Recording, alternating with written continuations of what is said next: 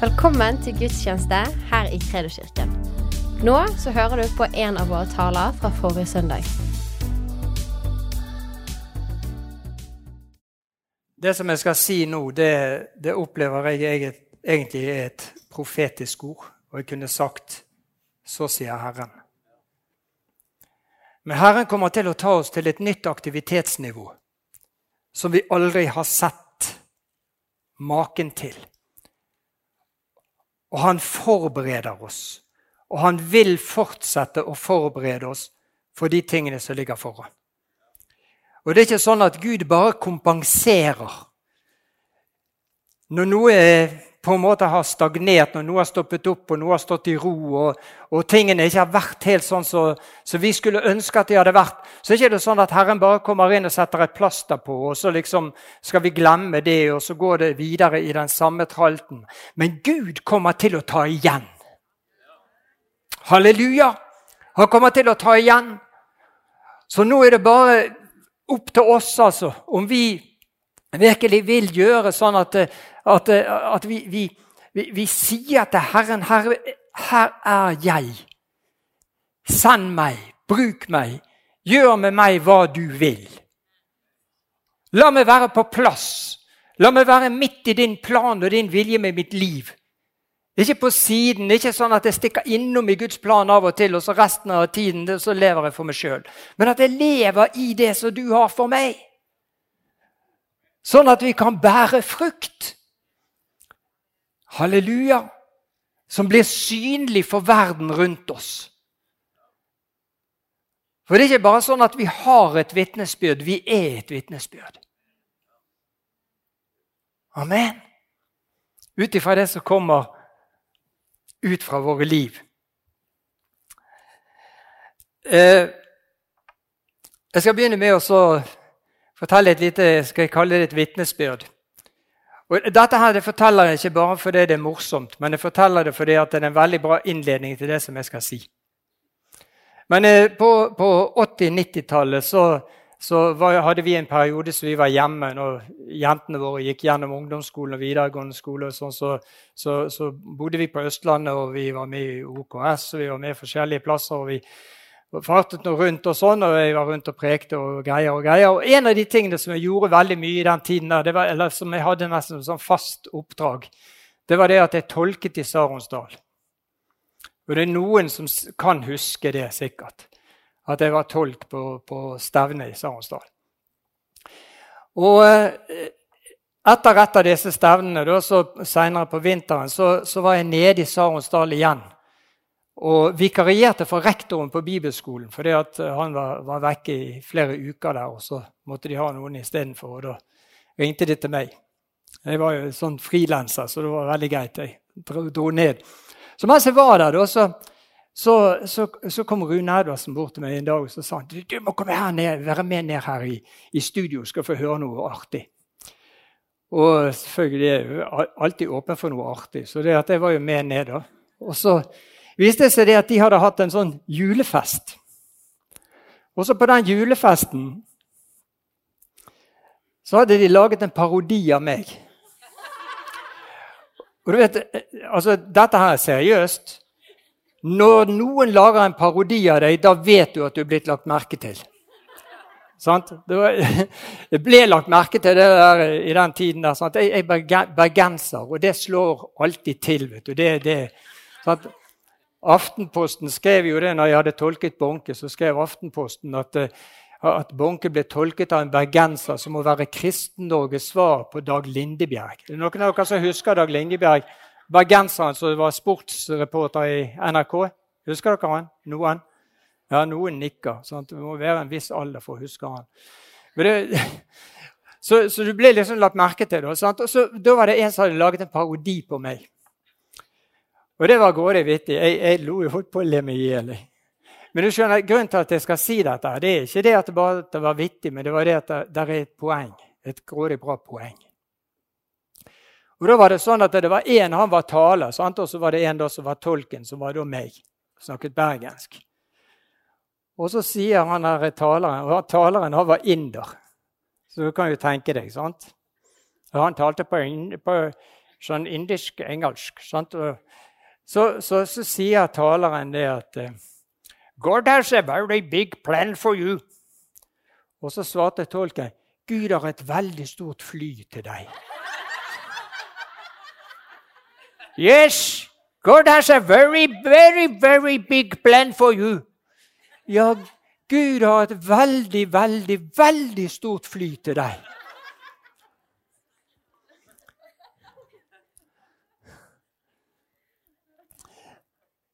Men du vet, det, det som jeg grep tak i, det var jo det at det, er en sammenheng mellom det med Guds plan og så fly. I hvert fall for noen av oss, eller for mange av oss. Men iallfall så, så, så tenkte jeg det, der, det poenget der For det første, det som vi alle vet og har hørt fra vi håper si, var nyfødte babyer i Herren, det, det, er at Gud har en plan for ditt liv. Det, det, vet vi. Gud har en plan for ditt liv. Du er klar over det? Gud har en plan for ditt liv. Og, og, og, og den planen innebærer at Gud vil, vil, bruke deg, og han vil sende deg. Han vil, han vil, han vil gjøre noe i og gjennom deg. Det er det som Gud har, har som, som, på en måte grunnleggende plan. Det er grunnplanen som Gud har for oss alle sammen. Og så her, her, er et, et, et viktig poeng også. Når vi blir født på ny, når vi tar imot Jesus som vår frelser og kommer til tro på han, så legger Gud trangen til å gjøre noe for han ned i oss. Det er helt normalt. Altså, hvis, hvis du ikke har den trangen hvis, altså, hvis du tenker at, at, nei, jeg skal sikkert ikke gjøre noe for Gud, Gud skal sikkert ikke bruke meg, da, da er det noe som er galt. Da, da må du tenke deg om først og fremst. Da må du tenke deg om først, og så må du tenke kan det virkelig være sånn at Gud har en plan for alle de andre, men ikke for meg. Altså, Det er for dumt. Sant? Altså, Gud, Gud bruker den han vil, og han har lagt den trangen ned i oss. Og jeg tror Ut fra det ordet som jeg ga først, så tror jeg at dette er noe av det som Gud skal vekke opp i oss. Vi skal få denne bevisstheten tilbake igjen. At jeg er nyttig. Herlighet, altså. Jeg skal ikke sitte på baken. Jeg skal gjøre noe for Gud. Sant? Altså, Jeg skal ikke sitte her og bare kaste vekk livet mitt eller bare liksom gå på jobb hver dag. Sant? Og så gjøre det som du gjør på jobben, og så gå hjem igjen. Sant? Og så etter middag. Og så sovner du. Og så våkner du, og så slår du på TV-en for du skal se Dagsrevyen. Hysj! Ikke si noe. Sånn? så så, så, sitter du der, så sovner du der òg. Og så går du og legger deg. Og så snorker du, og så våkner du om morgenen sånn bip, bip, bip, Og så spiser du frokost. Og så slår du opp i Bibelen. Nei, det var ikke noe fint. Ja. Og herlighet, vet dere hva jeg slo opp på? Min mat er å gjøre Hans vilje som sendte meg, og å fullføre Hans gjerning. Ja, veldig bra. Men altså, Det er veldig lett å komme inn i sånn rutineliv. Men vet du hva? Noe av det gøyeste og mest spennende med det å vite og, og, og være bevisst på og handle på at Gud har gitt deg denne trangen til å tjene han, det er jo det at det er det som gjør livet spennende. Det er jo det som gjør at det er gøy å leve. Sant? Altså, Herlighet Gud vil at vi alle sammen skulle kunne skrive bøker om det livet vi har levd med Jesus. I hvert fall at vi skal kunne ha masse rapporter, masse herlige ting å si, masse vitnesbyrd, masse spennende ting som vi har vært igjennom. Og det, det bobler over. sant? Altså, du har så utrolig mye herlig som du kan fortelle om. Eh, så det burde være naturlig for oss at vi alltid var på utkikk etter noe. Hva, hva kan jeg gjøre for Gud? Det er veldig mange som liksom, blir så overåndelige sant? at de bare ber og søker Gud og tenker Gud, nå må du tale, må du tale fra himmelen. Å, Herre, send en engel, send en profet, send ditt, send datt. Tal til meg og vis meg hva jeg skal gjøre. De fleste trenger egentlig bare spark i baken. For, for For det er bare det å sette seg i bevegelse. For du skjønner, det, det å være i Guds plan, det er først og fremst en vandring. Vi vandrer med Han. Sant? Altså, vi, vi, går frem med de tingene som Gud har for oss. Vi gjør det ene i dag, og så gjør vi det neste i morgen. Og så fortsetter vi på den måten der. Det er derfor det står i Efeserbrevet 2,10 at Gud har lagt gode gjerninger ferdig foran oss for at vi skal vandre i dem. Ikke for at vi skal sitte i dem eller stå i dem eller holde på med dem, men vi skal vandre, vi skal bevege oss. Og det er når du beveger deg, at du kommer inn i stadig nye ting. Og det blir bare mer og mer spennende, det blir bare gøyere og gøyere. Og så selvfølgelig blir det kanskje mer og mer utfordrende, og så koster det mer og mer penger. Og så, så kommer alle de der tingene der etterpå. Men gå hvor gøy det er. Sånn? Det gøyeste som fins, det er å være i Guds plan. Det fins ikke noe bedre.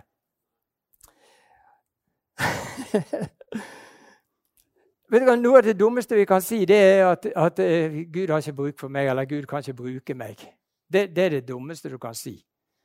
For, for, Jeg vet ikke om du har tenkt over det, altså, men da gjør du Gud veldig liten. Sånn? Altså, Gud kan ta hvem som helst og gjøre hva som helst. Altså, han har brukt predikanter som stammet så de nesten ikke kunne få, få frem et ord. Sant? Og bare salvet de så de snakket flytende. Sant? Helt til de var ferdige å preke, så stammet de igjen. altså Det er så mye rart Gud har gjort, sant? fordi at Gud vil bruke den han vil bruke. Ja, Og det sitter eh, noen stykker her i dag som Gud vil bruke. Og kanskje på, på, på, måter som ikke jeg kan tenke ut akkurat her og nå. og Det er ikke nødvendig heller at jeg skal tenke det ut. For det at planen skal ikke komme fra noe menneske, planen skal komme ifra Herren. Amen. Halleluja. Vet du, Jeremia han var veldig heldig. For, for at, uh, Gud talte til Jeremia i, helt i begynnelsen her, i Jeremia kapittel 1. Så talte han til ham, så sa han er du klar over det, Jeremia? Sånn, dette her er Jan Eriks oversettelse. Er du klar over det, Jeremia, at jeg faktisk kjente deg før du ble født? Sånn? Kjente deg før du ble født. Før du ble født. Ikke når du ble født, men før du ble født. Og ikke bare det, men på det tidspunktet når jeg kjente deg før du ble født, så kalte jeg deg, Jeremia, til å være profet. Så noe av det dummeste nå skal du høre, for det, Gud gjør ikke forskjell på folk. Han, han, Jeremia var en gammeltestamentlig profet og, sant, og var en stor gudsmann. og alt det der, der, der, der. Men det er du òg. Du er en stor gudsmann og gudskvinne. Bare så du vet det. Halleluja. Herrens, Hva var det Olav sa? Vi er døtre og sønner.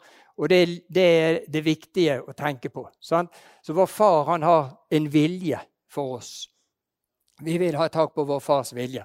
Så, så, så det blir for dumt liksom, å skulle si det da, at, at nei, jeg vet ikke om Gud har noen plan for meg. Jo, faktisk da, så hadde Gud en plan for deg lenge før du var påtenkt. Sånn, lenge før din far ble kik med din mor.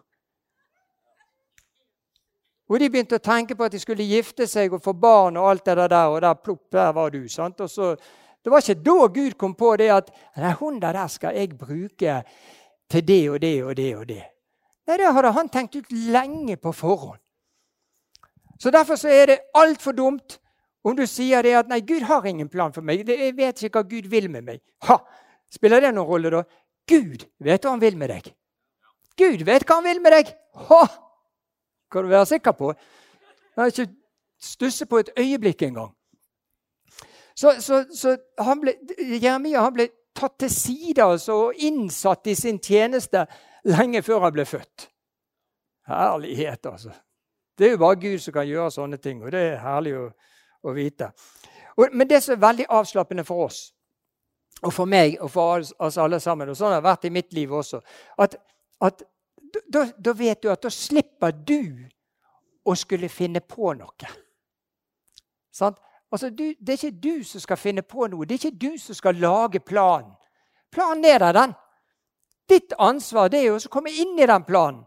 Og det er noe av det som jeg, har lyst til å, å, å, være litt opptatt av. Dette her med å hvordan kommer vi inn i dette? Hvordan skal vi virkelig vite at vi, nå er vi inne i det? Nå er vi på vei inn i det, eller vi, vi liksom er kommet inn i denne vandringen så som skal åpenbare for oss tingene som Gud har videre for oss. Og skal Gud virkelig, hvis, hvis dette var sant, det som Gud talte i mitt hjerte så, og sa jeg skulle si til dere, at Gud høyner aktivitetsnivået, at han skrur det opp, så av, er han avhengig av å få medarbeidere. Sant? Ikke arbeidere, men medarbeidere. Sånne som arbeider med han. Det er det Gud er ute etter. Ikke arbeidere. sant?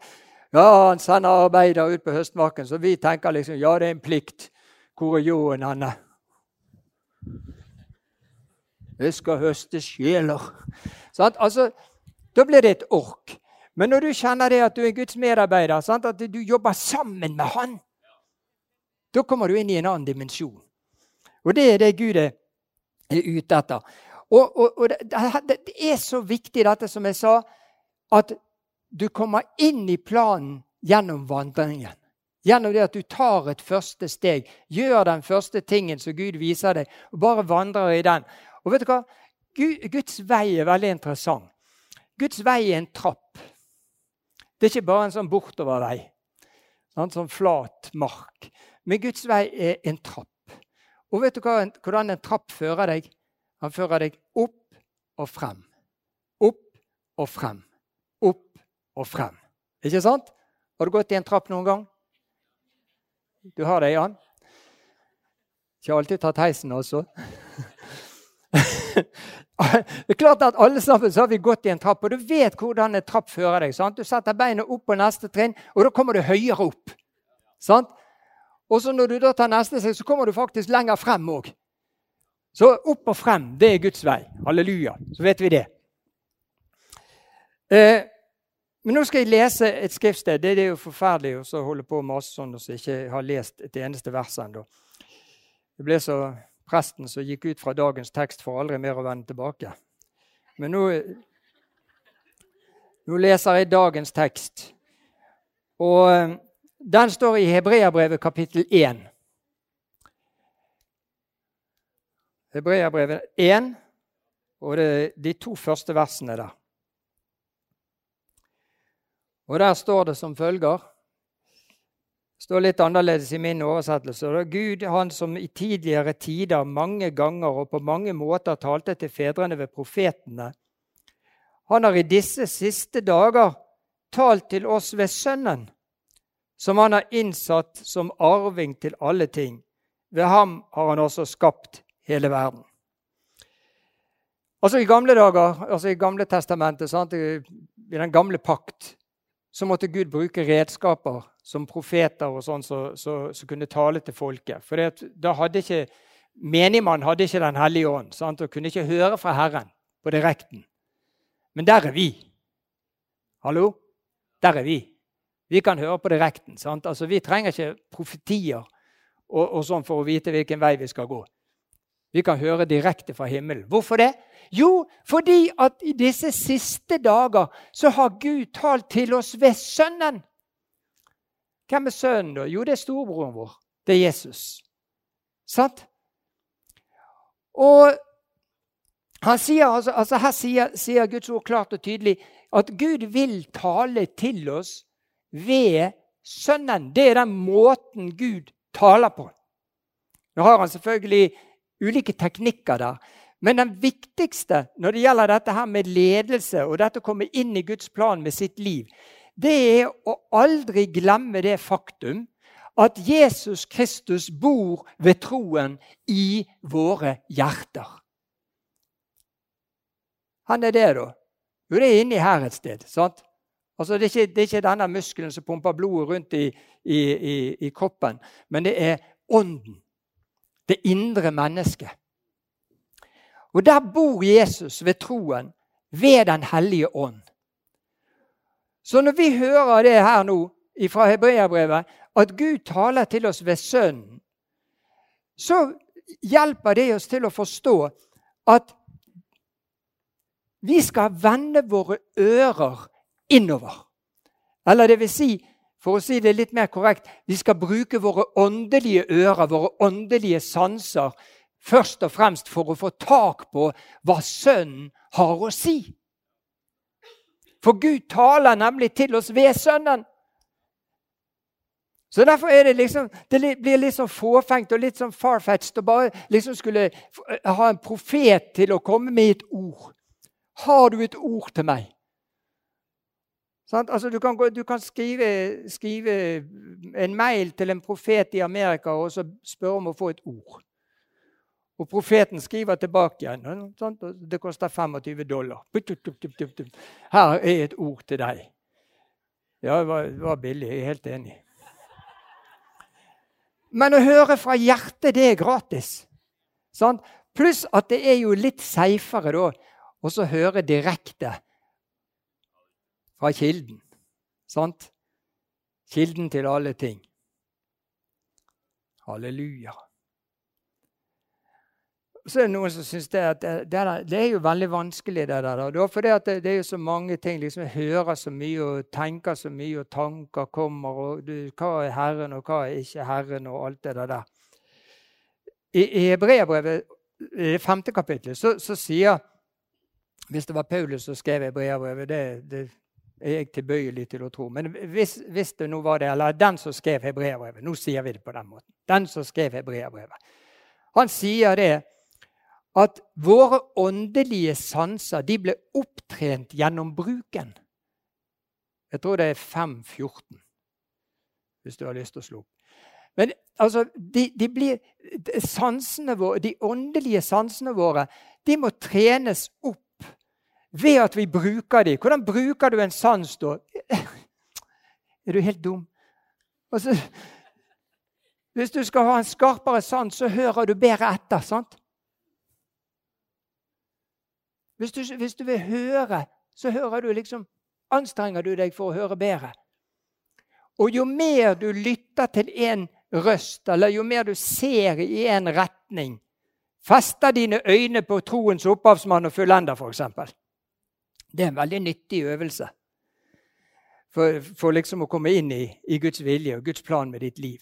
Men Hvis du gjør det sant, og lytter til denne røsten fra Sønnen som bor ved troen i ditt hjerte, og lærer deg å skjelne for altså, Jo mer du lytter til en bestemt stemme, jo klarere klarer du å skjelne den stemmen. Er ikke det riktig? Altså, Når noen du kjenner godt ringer til deg, så spør ikke du hvem det er. Du vil ikke se på telefonen. Du, altså, det, I gamle dager så kunne du ikke se. Måtte bare ta av røret og si 'hallo'. Og så hørte du stemmen på den i andre enden, og så da visste du hvem det var. Sant? Hvis det var en du kjente. Det var en kjent stemme. Kjent stemme. Kjent stemme.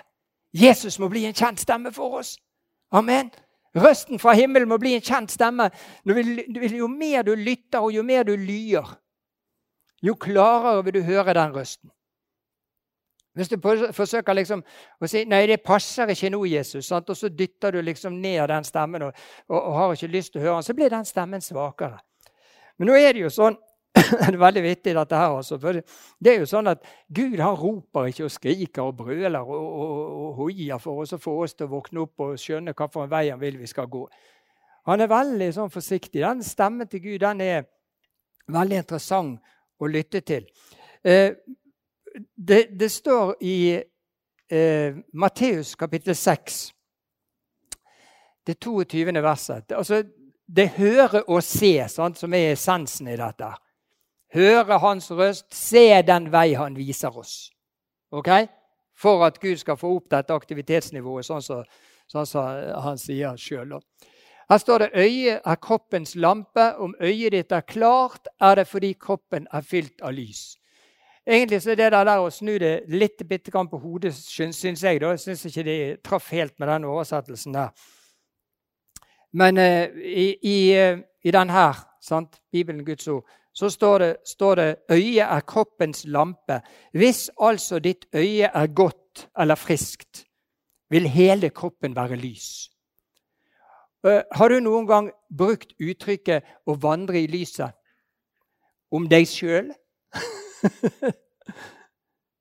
Jeg vil vandre i lyset. Vi, vi, vil jo det. Det er jo det vi vil. Vi vil vandre i lyset. Hallo? Sant? Vi vil vandre i lyset. Vi vil ha lys på den veien vi går. Vi vil ha lys over Guds vilje, sånn at vi ser det klart. ikke sant? Eh, det er en nyere amerikansk bibeloversettelse som heter The Passion Translation. Det er bare Nytestamentet foreløpig som er oversatt. Den er ganske artig å lese noen ganger. Noen ganger er det litt sånn ut å sykle. Men uh, noen ganger er det, er det, er det bra. Og, og, og, her skal du høre Her er min oversettelse til norsk av Matteus 6,22 fra The Passion Translation. Og du hører godt etter. Ja, de sier Åndens øyne Vi snakker om åndelige sanser, ikke sant? Så sier de altså åndens øyne. De er inni her. Lar åpenbaringens lys komme inn i deg. Det er jo åpenbaring vi vil ha. sant? Åpenbaring, hva er det? Jo, det er hvis noe er skjult, så, så, tar du vekk et dekke, og så plutselig ser du det. sant? Det er åpenbaring. Eh, hallo? Sant? Du er enig i det? Åpenbaring er det. sant? Altså hvis, hvis, den flasken ligger der, og jeg skjuler den med den, sant? og så tar jeg den vekk, så får du en åpenbaring av flasken. Fordi dekket blir tatt bort. Ja. har dere det gøy? Jeg har det gøy. Jeg liker dette her, for det at jeg preker til meg sjøl også. For det, det, det, det, er forferdelig vet du, å sitte og, tenke Hva skal vi gjøre nå? Hva skal vi gjøre nå? Skal vi gjøre nå? Og så er den døren stengt, og så er den muligheten er der ikke. Og det kan du ikke gjøre, og der kan ikke du reise. Sånn? Så eh, vi trenger å få utvidet horisonten, få et bredere spekter på tingene som vi kan gjøre. Men hør, gjentar. Åndens øyne lar åpenbaringens lys komme inn i deg. Hvis ditt hjerte ikke er tilskyet, strømmer lyset inn. Altså Med andre ord så må vi passe oss så ikke vi får et tilskyet hjerte. Hvis det er noe vi her i denne byen har hater, så er det når det skyer til.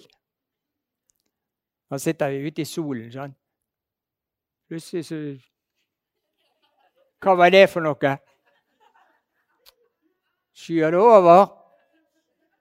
Sikkert har lyttet.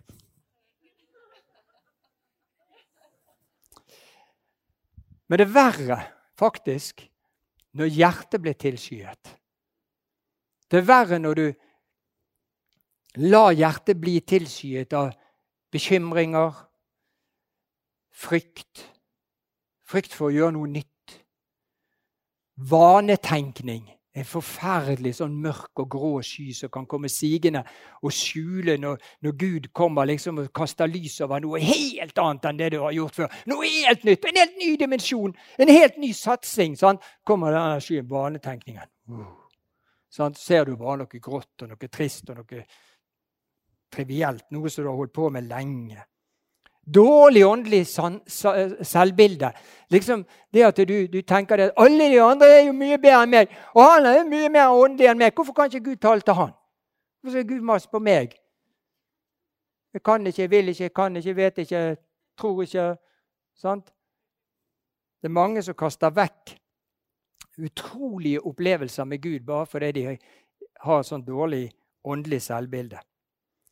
Og så er det selvfølgelig en forferdelig sky som heter sløvhet, som kan komme sigende også.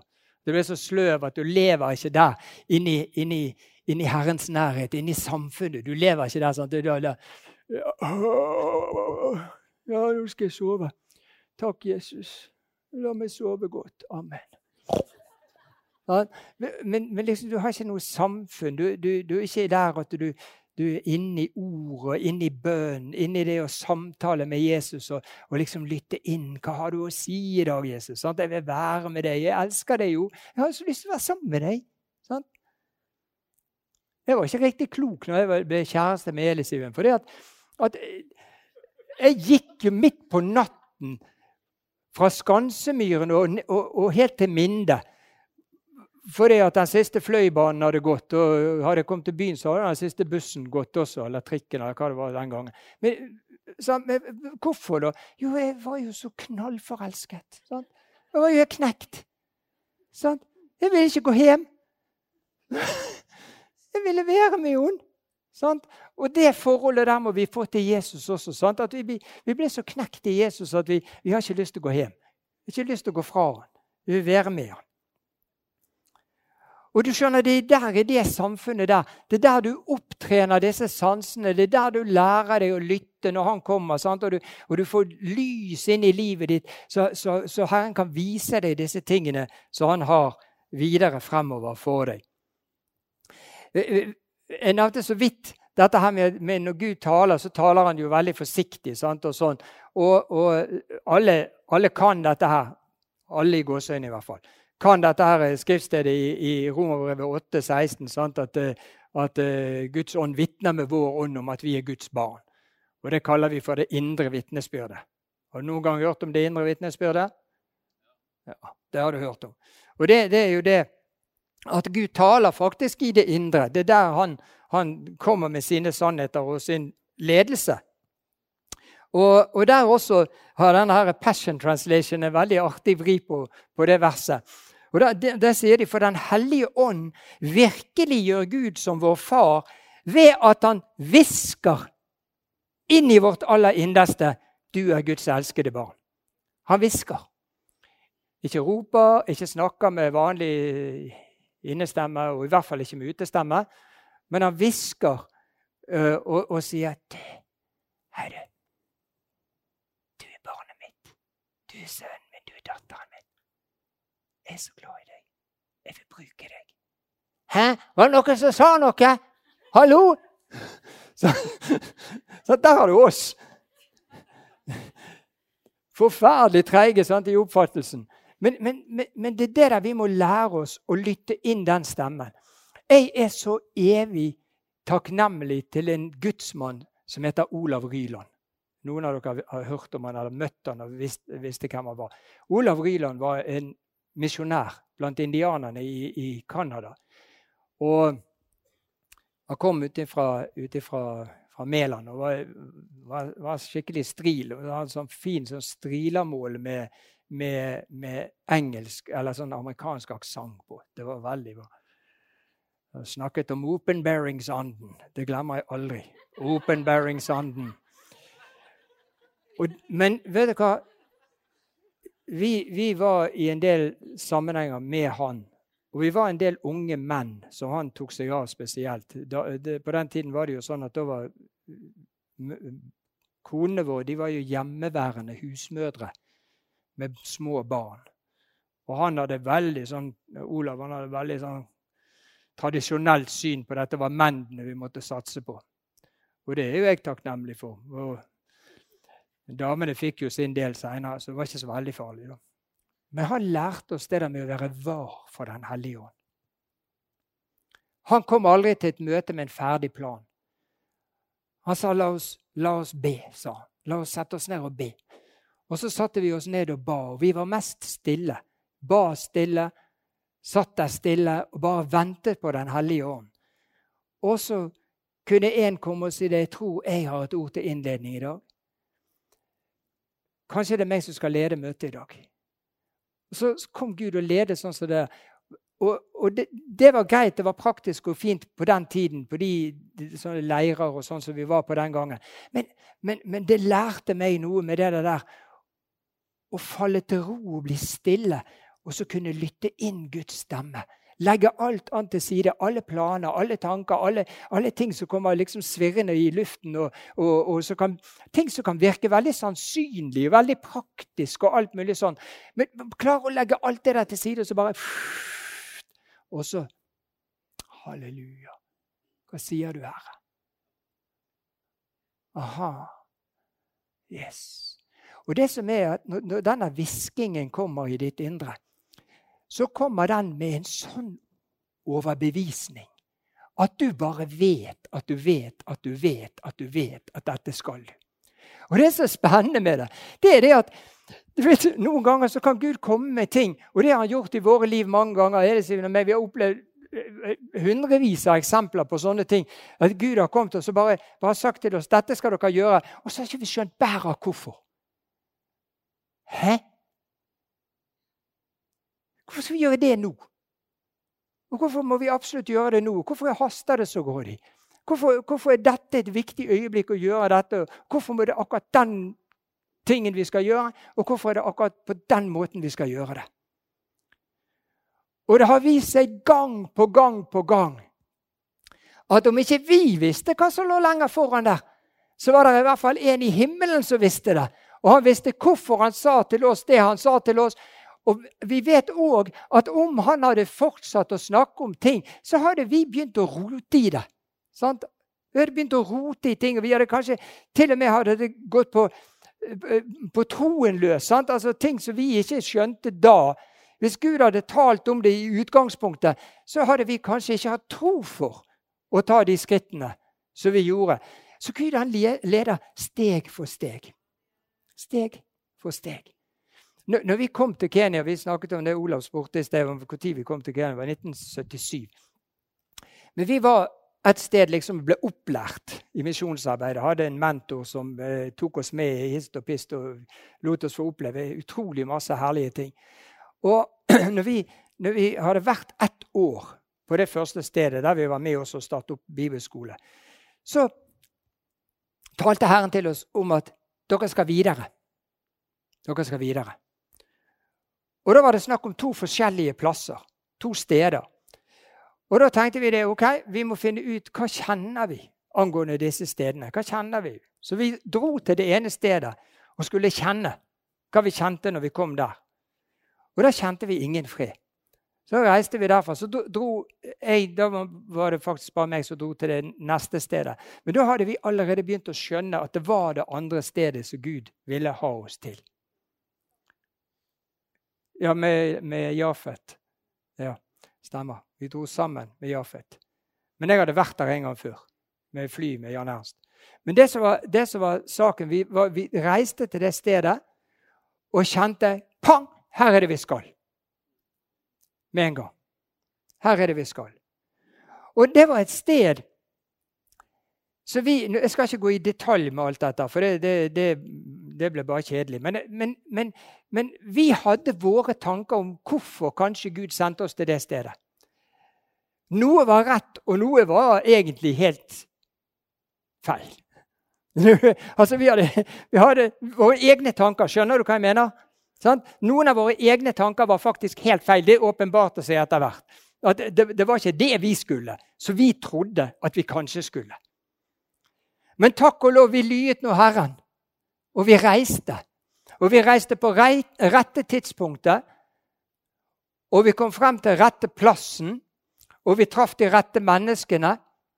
Og Gud ledet oss inn i den rette tjenesten, som var å undervise en hel haug med unge mennesker som jobbet der på det stedet. Det var sånn I, i Kenya så er det sånn at hvis du hvis du uh, har en eller annen utdannelse så du får jobb i det offentlige, så blir du, blir du tvangsplassert i begynnelsen. Du, altså, du, du, ble bare satt et sted. Er du lærer, så blir du satt på en skole et annet sted. Er du sykepleier, så blir du satt på det sykehuset. og Der må du jobbe da, en, en stund før du kan flytte. Og det var lærere, det var sykepleiere, det var laboratoriefolk fra sykehuset. Det var noe noen som jobbet med vann, og det var noen som jobbet med forskjellige ting. Og alle, alle disse, det var de fleste, eller jeg tror alle sammen var unge, ugifte mennesker. Og vi hadde bibeltimer med disse her. Og jeg underviste, og Elisiv underviste, og vi underviste og vi underviste. Og vi underviste, og dette holdt vi på med i to år. Ut av de to årene så ble det født åtte fulltidstjenester. Og det var ikke hundrevis av mennesker vi snakker om her. altså. Det var 10-15-20 stykker som pleide å være på de, de eh, bibelundervisningene vi hadde. Men ut av det altså, så kom det åtte fulltidstjenester. Vi hadde absolutt ikke hatt noen forutsetning for å kunne forestille oss det når vi reiste der. Vi ante ikke at det var dette Gud ville. Men det ble som et sånn sånn eh, Jerusalem eller Antiokia, eller hva du skal kalle det for, hvor, hvor tjenester vokste frem, og mennesker tok trosskritt og begynte å gå ut og gjøre det som Gud egentlig hadde kalt dem til. Så åtte stykker forlot sine jobber i tro og gikk inn i fulltidstjeneste for Gud. En av dem, og det er veldig artig, han ble leder for en organisasjon som drev med evangelisering i det området som vi trodde at vi skulle evangelisere. Det var nemlig et sånn muslimsk-dominert område. og Vi trodde vi skulle vinne masse muslimer og sånn, og tenkte det var det vi skulle få masse sånne folk inn i menigheten og, og greier og greier. Men det var det en annen som fulgte da etter oss, som kom inn i den tjenesten, og som klarte å få et gjennombrudd iblant de menneskene. En annen Han er biskop for 700 menigheter i Øst-Afrika nå. Og han var, han var lærer på, på barneskolen. Mattelærer. Og litt ustyrlig og litt sånn vanskelig å, å, å forstå seg på alltid. En gang stakk han av fordi han trodde han skulle gifte seg. Han kom nå tilbake igjen uten kone. da, så... Men, men altså Du kan aldri vite hva Gud vil gjøre når du er lydig i det steget som Gud har vist deg. Så at Du kan forsøke å tenke ut, du kan forsøke å, å liksom se fremover. og, og sånn. Men vet du hva? En ting som livet har lært oss, det er det at det er faktisk ikke nødvendig å se så veldig langt fremover. For Herren han har full kontroll på fremtiden. Absolutt full kontroll. Har ingen problemer med fremtiden i det hele tatt. Han klarer å holde styr på de tingene som kommer videre fremover. Og han vet hvordan han skal gjøre at hans rike og hans menighet blir mest mulig effektiv og får de resultatene som eh, han vil at du skal ha. Halleluja, for du skal få glede deg over frukten. Du skal få glede deg over resultatene av det du holder på med. Du skal, du skal ha den, det, det, er Guds belønning. Sant? Det er det at du skal kunne glede deg. Du skal kunne snu deg og se tilbake, og så skal du kunne si 'halleluja', takk og lov at jeg fikk være med på det der. Tenk på det! Jeg har en, liksom, en lillefinger med i det der. Sant? Det er nok det. Nok til at du har lov til å glede deg og fryde deg over det. Halleluja, halleluja, halleluja. Så, så hva, er, hva, er, essensen i dette? Hva, hva, blir konklusjonen da? Jo, det er det der, det der med, med, det ene skrittet. Det, det, at du tar det der ene skrittet. Uten frykt. Uten å tenke hvor i all verden skal jeg havne? Hva skal skje med meg hvis jeg gjør det der? Sant? Det kan ha økonomiske konsekvenser. det kan ha alt mulig. Sant? Jeg, jeg sluttet pang i banken der som jeg jobbet, når Gud kalte meg. Så, så, bare visste jeg, Men jeg ante jo ikke hva jeg skulle leve av. Herlighet. Jeg var jo ikke riktig klok sånn menneskelig sett. sant? Men jeg bare tok det skrittet. Ut av den jobben fordi at jeg visste Gud hadde noe mer. Og inntil denne dag, det kan jeg vitne om, har jeg aldri sett mine barn mangle brød. Å bruke et bibelsk uttrykk. Halleluja. Amen. Altså Gud er så trofast, han er så god, så du trenger aldri å være redd. Og det du gjør i dag, det er veldig viktig, dette her. Det du gjør i dag, det kan være springbrettet inn i det du skal gjøre i morgen. Og du kommer kanskje ikke inn i det du skal gjøre i morgen, hvis ikke du gjør det du skal gjøre i dag. Sant? Fordi at du, du står liksom på stedet marsj. Sant? Noen av oss har vært i militæret. Sant? Det er noe så dumt som står på stedet marsj. Sant? Ja, skjer det noe nå? Sånn skjer jo ingenting. Ikke før du adlyder den ordren. Sant? Avdeling fremad, marsj. Og så går du. Så, så springbrett. Tenk på det. Den lille, kanskje ubetydelige, kanskje unnselige, det som ikke mennesker legger merke til, det som ikke liksom avstedkommer med de store hallelujaropene og, og sånne greier, som du gjør i dag, kan være springbrettet til det som du skal få gjøre i morgen. Halleluja. Husker hva jeg sa? Sant? at I Guds rike så går alt oppover og fremover. Oppover og fremover. Ettersom vi lyer Gud og gjør det som Han ber oss om å gjøre. Husk på det ordet som Herren ga oss i begynnelsen. Aktivitetsnivået skal opp. Og det, det, det, betyr at noen av oss er nødt til å ta oss sjøl i nakken. Det der liker vi ikke sånn. Ja, men, ja, men, ja, men Herren må gjøre det nåde. Ja, det er flott. Fint, det. Han må det. Men altså, hvis ikke du har oppdaget at du har en fri vilje, da er du sløv. For det er du som bestemmer om du skal gå den veien Gud viser deg at du skal gå, eller om du skal la det være. Det er ikke Gud. Det er Ikke sånn at Gud kommer 'Å, kom, lille gutten min, nå skal vi ta det, nå skal vi føre det inn i det som vi har for deg.' Hm, 'Dette skal vi gjøre bare nå. Det kommer nå.' Der skal du være. Pop!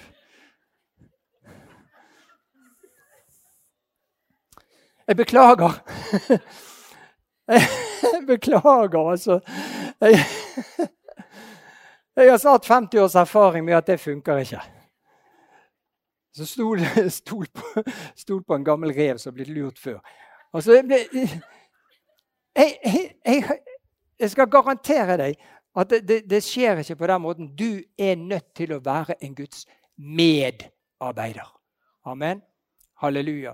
Ikke arbeide for Gud. Sånn, ja, Gud ansatte meg, så jeg skulle bli misjonær. Han ansatte meg som misjonær. Lønnsklasse 14. Med pensjonsrettigheter. Ja, det kan du spørre om.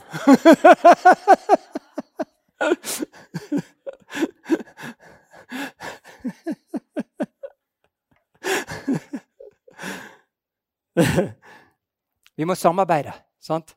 Samarbeide i det små. Den som er tro i lite, hva skal skje med han? Hæ? Jeg hører ikke. Hva skal skje med den som er tro i lite?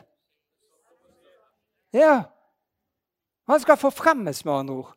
Sant? Han blir forfremmet. Og Gud er ute etter Dette her er òg profetisk. Gud er der i dag at det er mennesker, det er folk i denne menigheten som han har sett på nå over lengre tid, som han bare venter på å få lov å forfremme. Det er noen som virkelig skal forfremmes. Så du kjenner det, så det dirrer i veggene her. Fordi at noen kommer inn i det som er Guds fullkomne plan og vilje for dem. Og nå tenker ikke jeg bare for å ha sagt det, så, så han er uh, ugudelige pastoren som leste fra Finansavisen. Så tenker ikke jeg bare det at Tenker ikke jeg bare på, på at, vi, at, at, at, vi, skal inn i, i, i liksom en åndelig tjeneste. Hva er definisjonen på en åndelig tjeneste? Har du lyst til å vite det? Det er at uansett hvilken tjeneste det er, så blir han utført av et åndelig menneske. Det er en åndelig tjeneste.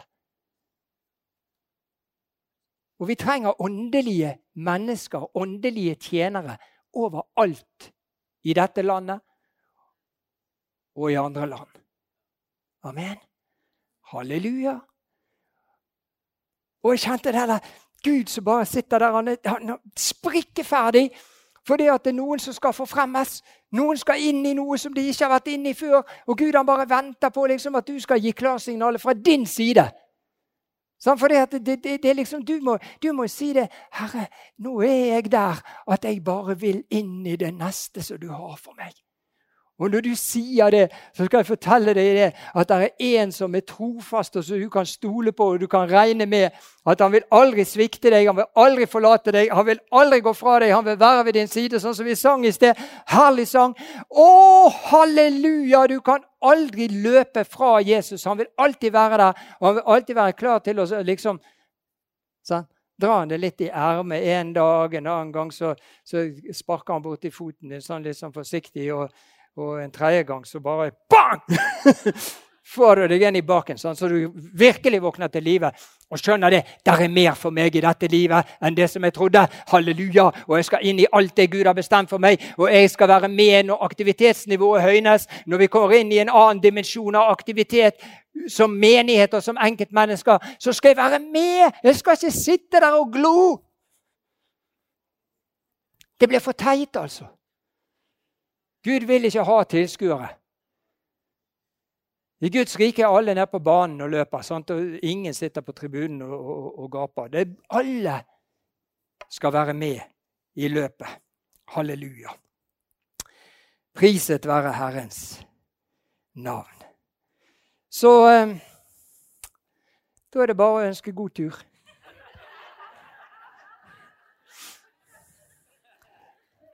God tur og lykke på reisen. Halleluja. Halleluja. Skal vi reise oss? Vi må be litt òg. Vi er nødt til å si noe til Jesus etter han har talt til oss på denne måten. her. Og når jeg sier oss, så mener jeg meg også. Halleluja. Jeg sier til noen av dere at dere er ikke gamle, dere har bare levd lenge. For det er noen som har en tendens til liksom å si ja, nå er jeg så oppe i årene at nå, nå roer jeg ned. Herlighet, altså. Jammen, jammen, jammen, jeg er sånn og jeg er sånn. Ja, Men det kan Herren gjøre noe med. Men jeg har alltid vært sånn har ikke vært sånn som de alle de andre. Jeg har vært litt mer sånn som så, så liker ikke å vise meg frem. og liker ikke mm, Litt redd for folk og sånn. Fy skam. Den fullkomne kjærligheten driver frykten ut. Og den fullkomne kjærligheten er den kjærligheten du har til Jesus. Du elsker Jesus så høyt at du kan bare ikke tie stille! Og du kan, bare, du kan bare ikke sitte der. Du bare må. Halleluja. Husker du det jeg sa i innledningen? Vi er født med en trang til å gjøre noe for Gud. Og det er vår alles oppgave bare å finne ut hvordan vi skal gjøre det. Hvor skal vi begynne? Hvor er det første steget som vi skal ta? Og det ligger her inne. Han hvisker her innenfra. La oss skjerpe sansene. La oss ha antennene oppe. Lytte inn røsten ifra helligdommen. Helligdommen er her inne, vet du. Du er tempel for Den hellige ånd, så helligdommen er her. Her bor han ved troen i ditt hjerte. Halleluja. Jesus, vi takker deg. Vi priser deg, Herre, for det at du taler til oss. Takk at vi går spennende tider i møte. Halleluja. Det går ikke nedover, det går ikke bortover, det går oppover. Takk for det at du skal sette oss i brann på en ny måte, Herre. Ved Din Hellige Ånd, sånn at aktivitetsnivået høynes, og vi kommer i gang med nye ting, Herre. At vi kommer inn i nye ting med våre liv. At hver og en av oss får gjøre de tingene som du har beredt for den enkelte av oss. For du har gode gjerninger som du har lagt ferdig foran oss for at vi skal vandre i dem. Og vi bare priser deg for det, Herre. Vi priser deg. Bare forløser dine planer, Herre, over den enkelte. Dine planer, dine tanker, dine hensikter. Det som du har for hver og en, Herre. Tal i hjertene, Herre. Tal i hjertene. Åpenbar det, Herre. La lyset trenge inn. Måtte alle skyer som forsøker å skye over og hindre åpenbaringens lys, måtte alt sammen bare forsvinne i Jesu Kristi navn. Enhver sky, vi bare driver det vekk. Ingen skodde skal kunne hindre utsikten til de tingene som du har for hver og en av oss. I Jesu Kristi navn. Halleluja, halleluja, halleluja. Å, vi priser deg, Jesus. Priser deg.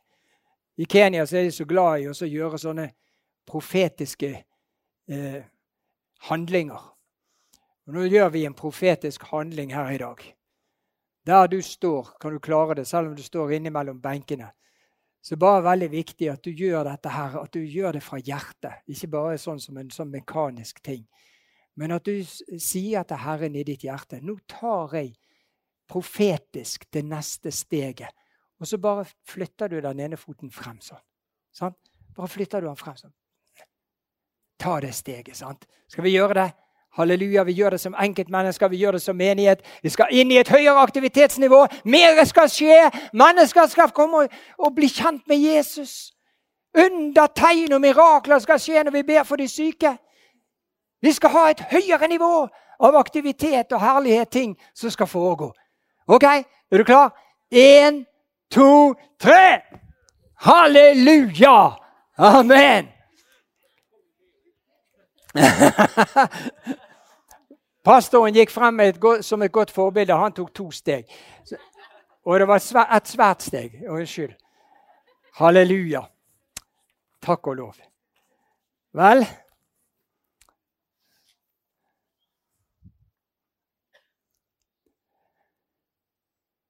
Gud velsigne dere. Hva en herlig gjeng. Jeg har ikke sagt dette som jeg har sagt i dag til, til, til folk som jeg betrakter som noen sløve, slappe, dovne, teite kristne. Men jeg vet at du en vet at du allerede har en brann i hjertet, og jeg vil at den brannen skal flamme opp og føre til fantastisk herlige ting som Gud kan bli æret igjennom. Og du kan få glede deg i livet. Amen. Amen.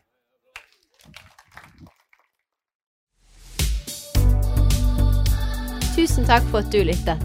Følg oss gjerne på Instagram og Facebook, og så snakkes vi neste uke.